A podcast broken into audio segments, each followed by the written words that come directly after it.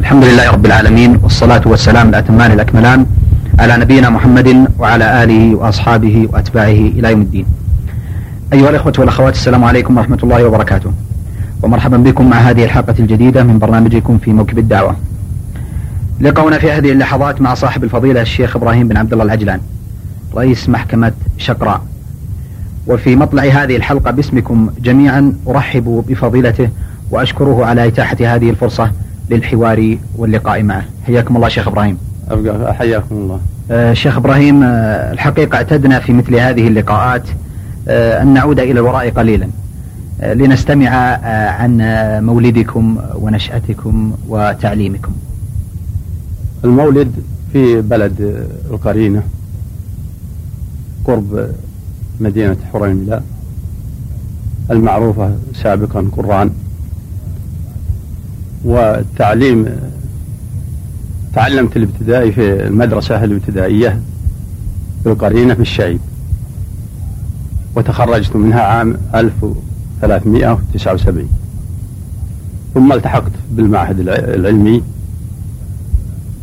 في السنة الأولى في معهد المجمع. وبعد السنوات الباقية في معهد الرياض العلمي. ثم في كلية الشريعة بالرياض. تخرجت من كلية الشريعة بالرياض عام 1389 ثم تعينت قاضيا ملازما في محكمة الرياض. وبعدها عينت قاضيا في محكمة العويقيلة تابعة لعرعر بالحدود الشمالية. ثم انتقلت منها إلى محكمة البجادية تابعة للدوادمي ومن وبعد ست سنوات تقريبا انتقلت إلى محكمة مرات تابعة للوشم في منطقة الوشم ثم إلى محكمة شقرة. عام 1405 ولا أزال في محكمة شقرة حتى الآن. شيخ إبراهيم هل لكم أن تذكروا لنا أبرز المشايخ الذين تتلمذتم عليهم وتلقيتم عنهم العلم وتأثرتم بعلمهم وأدبهم وخلقهم؟ تلقيت العلم على عدة علماء أفاضل منهم فضيلة الشيخ صالح آه الأطرم ومنهم فضيلة الشيخ عبد محمد بن عبد الرحمن الداود رحمه الله وكذلك الشيخ عبد العزيز الداود والشيخ فالح المهدي رحمه الله ومناع القطان وفضيلة الشيخ محمد بن عبد الله العجلان عضو مجلس الشورى حاليا ومدير جامعة الإمام محمد بن سعود الإسلامي. وكثير من المشايخ لا يحضرني ذكرهم الآن. شيخ إبراهيم الحقيقة ربما أن نتحدث عن شيء من خلال الوقت الذي كنتم فيه وتلمذتم فيه وتعلمتم فيه عن الوقت الحاضر الذي تعيش فيه الأجيال والأبناء اختلافا سواء في طريقة تلقي التعليم أو من حيث الصعوبات والمغريات التي قد تواجه الشاب أو الأبناء في هذا الوقت الحاضر. ما هي أبرز الوسائل التي ترون أن من المطلوب اتباعها في تربية الأبناء وتوجيههم وتعليمهم والحفاظ على أخلاقهم ومواصلة تعليمهم ونفع أمتهم ووطنهم ومجتمعهم. هذا مسألة راجعة أول شيء إلى الآباء والأمهات. فأول من تقع المسؤولية على الأب والأم لأنهم هم الذين سوف يعيش الإبن في أحضانهم ويتلقى العلم من معلوماتهم وتوجيهاتهم ولا سيما إذا كان الأب صالح وقدوة لابنه يسير الابن على خطى والده. والتعاون واجب على الجميع لأن صلاح المجتمع بصلاح الفرد فإذا صلح الفرد والفرد الآخر وهكذا صلح المجتمع كاملا. فإذا حصل التعاون والقيام بالمسؤولية وكل شخص يحس أنه مسؤول وأن عليه مسؤولية عظمى كلكم راع وكلكم مسؤول عن رعيته. فإذا كان الإنسان يحس أنه مسؤول وتعاون مع أبنائه وأبناء إخوانه وجيرانه نشأ الجيل نشأة صالحة وخرج جيلا صالح متربيا في نعمة الإسلام وتعاليمه فيكون قدوة لمن بعده. للأجيال القادمة. أحسنتم شيخ إبراهيم. الحقيقة أن أعلم أو علمت أن لكم آه، شيئا من النشاط العلمي في إلقاء بعض الدروس في المسجد وغيره. ولا شك آه، أن هذه رسالة عظيمة آه، يقوم بها العلماء والقضاة وأهل العلم الذين استرعاهم الله سبحانه وتعالى على هذه المسؤوليات الكبرى. والبعض قد يتساهل في مثل هذا الأمر لا سيما إذا كان ذا مسؤولية علمية كالقضاء وغيره. شيخ إبراهيم متعكم الله بالصحة والعافية وأمدكم بعونه وتوفيقه. ما هي أبرز الدروس التي تقومون بإلقائها في حلقاتكم؟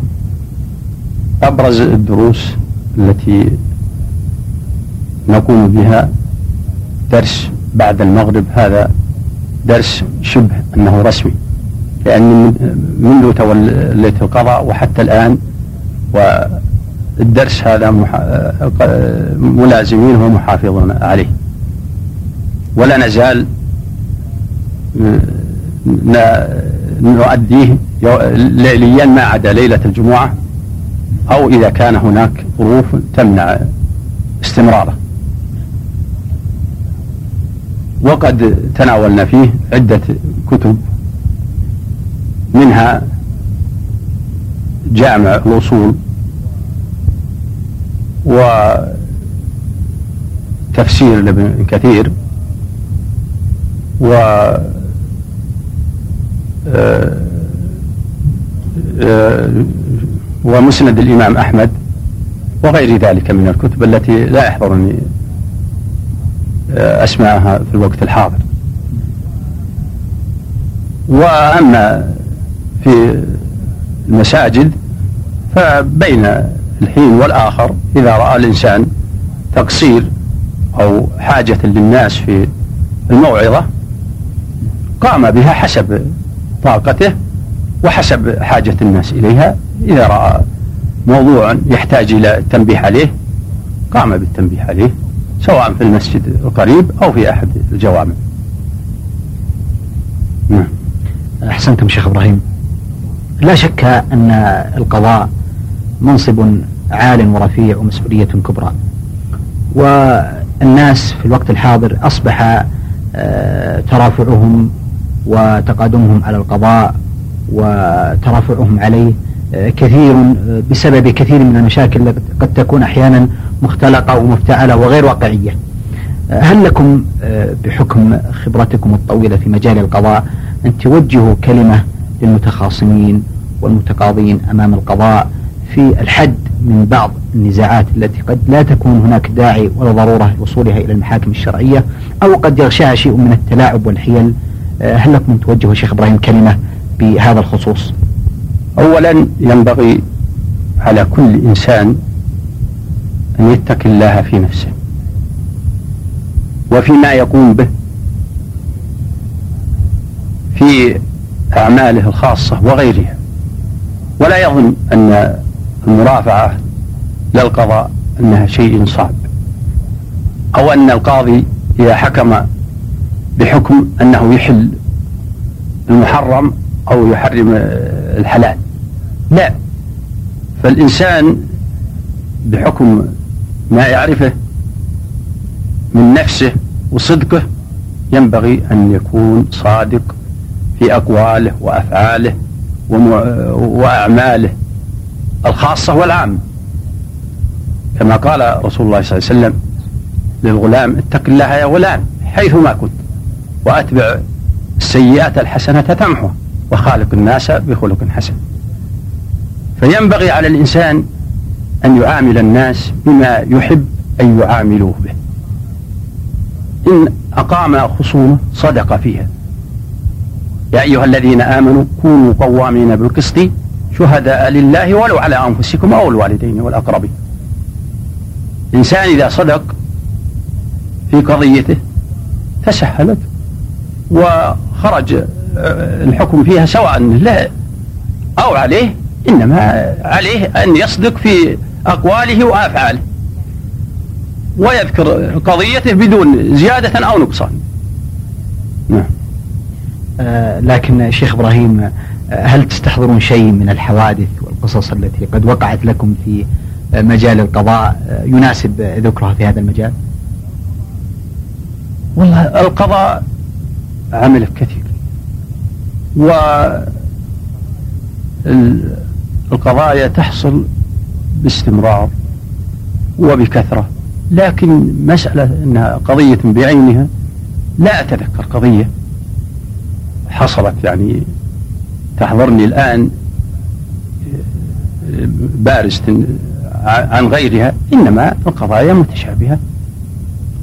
و وتأتي اليوم والأسبوع أو مستمرة ولكن ينبغي أن الإنسان يكون أولا أنه يكون صادقا فيما يقول سواء له أو عليه.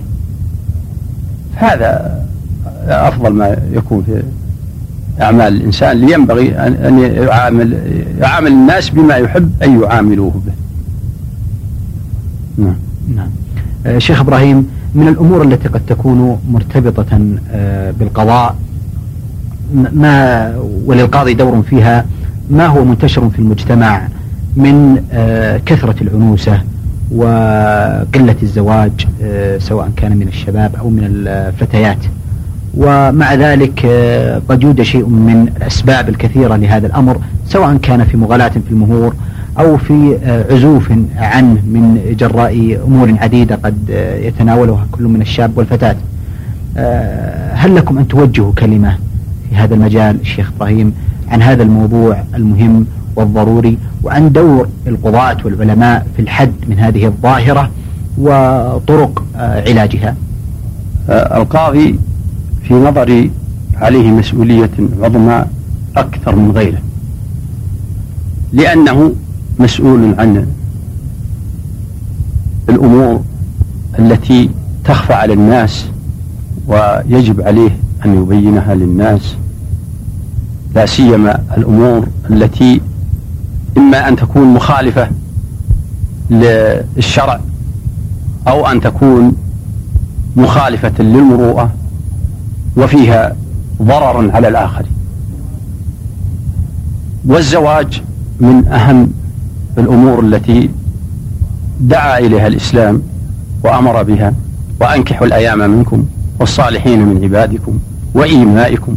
يكونوا فقراء يغنيهم الله من فبعض الناس ينظر إلى المادة والمادة ليست آه، سببا للزواج. يقول النبي صلى الله عليه وسلم في حديث معناه أكثرهن بركة أقلهن مهرا فكل ما تسهل ويسر طريق الخاطب كان أطيب لنفسه وممكن وأرغب له في نكاح هذه المرأة والبقاء معها. إذا كان عاقل إذا جاءكم من ترضون دينه وخلقه فزوجوه لئلا إلا تفعلوا تكون فتنة في الأرض وفساد كبير. فينبغي على القضاة التنبيه للأمور هذه لا سيما تأخر كثير من الشباب عن الزواج إما لقلة المادة أو لأنه يظن أنه أن الزواج لابد أن يكون نفسه قبل بمعنى أنه يكون له بسكن إلى غير ذلك وهذا ليس بصحيح. ربما أن يكون الزواج مساعدة لك على الغنى. يكون فقراء يغنيهم الله من فضله. فربما أن يكون آه، سبب آه، الزواج سبب للغنى. فينبغي على القضاة ومن ولي شيء من أمور الناس أن يدعو إلى الله بالحكمة بالموعظة والحكمة بالموعظة الحسنة والدعوة الصالحة ليكون جيلا صالحا للمستقبل والحاضر. نعم. أحسنتم شيخ إبراهيم. من الظواهر أيضا المنتشرة والمؤسفة والتي قد تأخذ أحيانا آه، طريق المد والجزر والانتشار والكثرة ما يتعلق بالطلاق وكثرة شيخ إبراهيم. وقد يوجد آه، في بعض المدن والمناطق شيء من نسبة آه، كثرة الطلاق وانتشار ظاهرتها والتي قد يكون لها أسباب كثيرة. أكثر وأكبر الناس اطلاعا على أخبارها وأسرارها القضاة وبحكم عملكم في هذا المجال هل لكم من كلمة توجهونها سواء للمتزوجين حديثا أو للزوجين عموما مما قد يقع بينهم شيء من الخلاف آه، أو اختلاف الرأي في بعض الأمور التي قد ينبغي التي لا ينبغي أن تؤدي إلى هذه الواقعة الكبرى وهي الطلاق. نعم أول ينبغي أن يكون الزوج فاهم وعارف تعاليم الإسلام وما في الطلاق من الفرقة وإن كان أنه مباح لكنه أبغض الحلال إلى الله. و فينبغي أن يبحث عن المرأة الصالحة. العاقلة الدينة كما ورد في الحديث تنكح المرأة لأربعة مالها وجمالها وحسبها ودينها فاظفر بذات الدين تربت يدك. فإذا حصل على الزوجة المناسبة له حسب ما يرى ويسمع فينبغي عليه أن يتحمل ما يحصل منها من أذى لأن النبي صلى الله عليه وسلم قال استمتع بها وفيها عوج. فإنك إن ذهبت تقومها كسرتها وكسرها طلاق. فينبغي إن على الزوج أن يتحمل ما يحصل منها من أذى ويناصحها كما قال تعالى واللاتي تخافون نشوزهن فعظوهن واهجروهن في المضاجع واضربوهن. فإن أطعنكم فلا تبغوا عليهن سبيل. فينبغي عليه النصيحة والرشد والمفاهمة فيما بينهم حتى تستمر الحياة الزوجية وتكون حياة سعيدة. ويبني هو وهي آه، بيت مستقبل وأسرة كاملة بالتفاهم والتناصح فيما بينهم. وفق الله الجميع. أحسنتم شيخ إبراهيم. آه، الحقيقة أيضا بودنا أن نعرج على آه، موضوع آخر وهو أن الدراسة التي قد التحقتم بها في بداية تعليمكم وطلبكم قد يكتنفها شيء من الصعوبات التي كانت واقعة في ذلك الوقت. ما هي أبرز الصعوبات التي كانت تواجه طالب العلم في تلك السنوات شيخ إبراهيم؟ فيما مضى يختلف الوقت يختلف تختلف الدراسة عن الوقت الحاضر.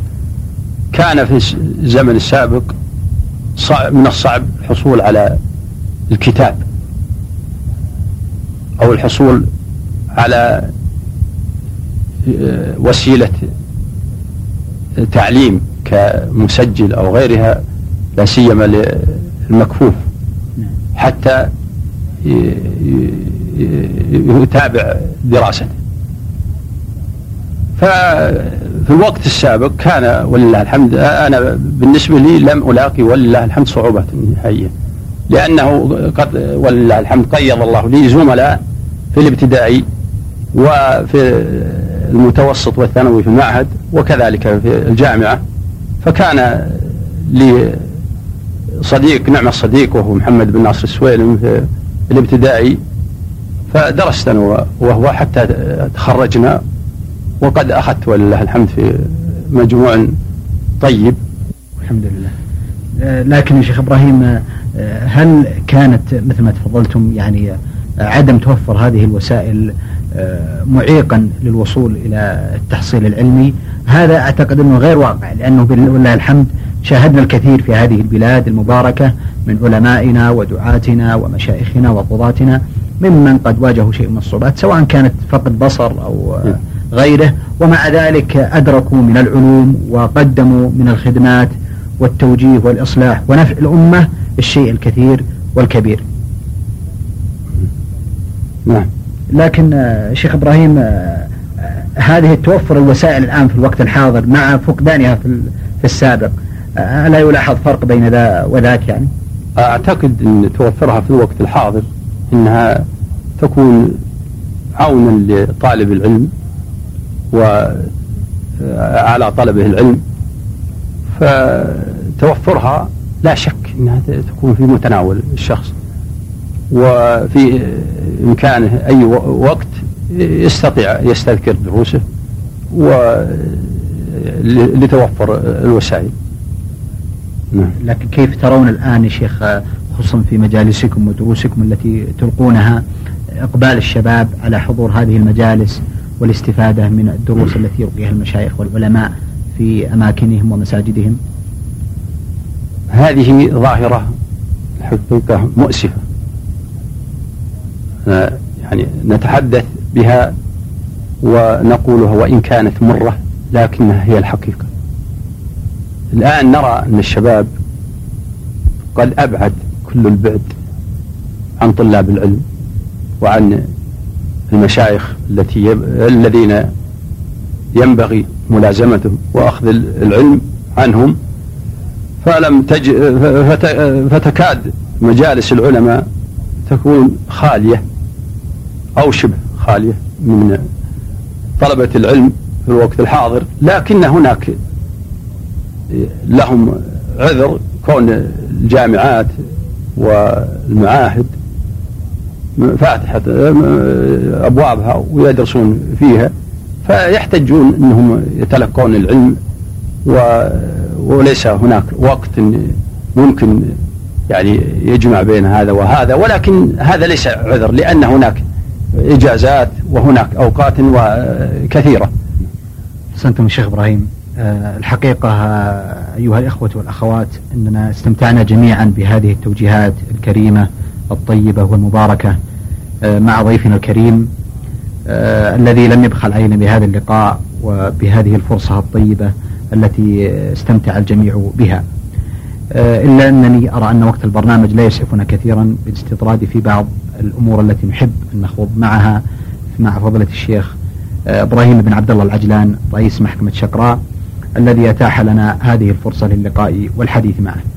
باسمكم جميعا أيها الإخوة والأخوات أكرر شكري وتقديري لفضيلته على هذا اللقاء الطيب المبارك وآمل أن يتجدد لنا لقاءات معه في حلقات قادمة بإذن الله وأن يمده الله بعونه وتوفيقه ويمتعه بالصحة والعافية. فجزاكم الله شيخ إبراهيم خير الجزاء وبارك فيكم. بارك الله في الجميع ونشكركم على هذه الفرصة التي أتحتموها لنا ونسأل الله التوفيق للجميع وأن يجعل العمل خالصا لوجهه الكريم إنه ولي ذلك والقادر عليه وصلى الله وسلم على نبينا محمد وآله وصحبه أجمعين. جزاكم الله خيرا وإلى اللقاء في الحلقة القادمة. والسلام عليكم ورحمة الله وبركاته. في موكب الدعوة. إعداد وتقديم محمد بن عبد الله المشوح.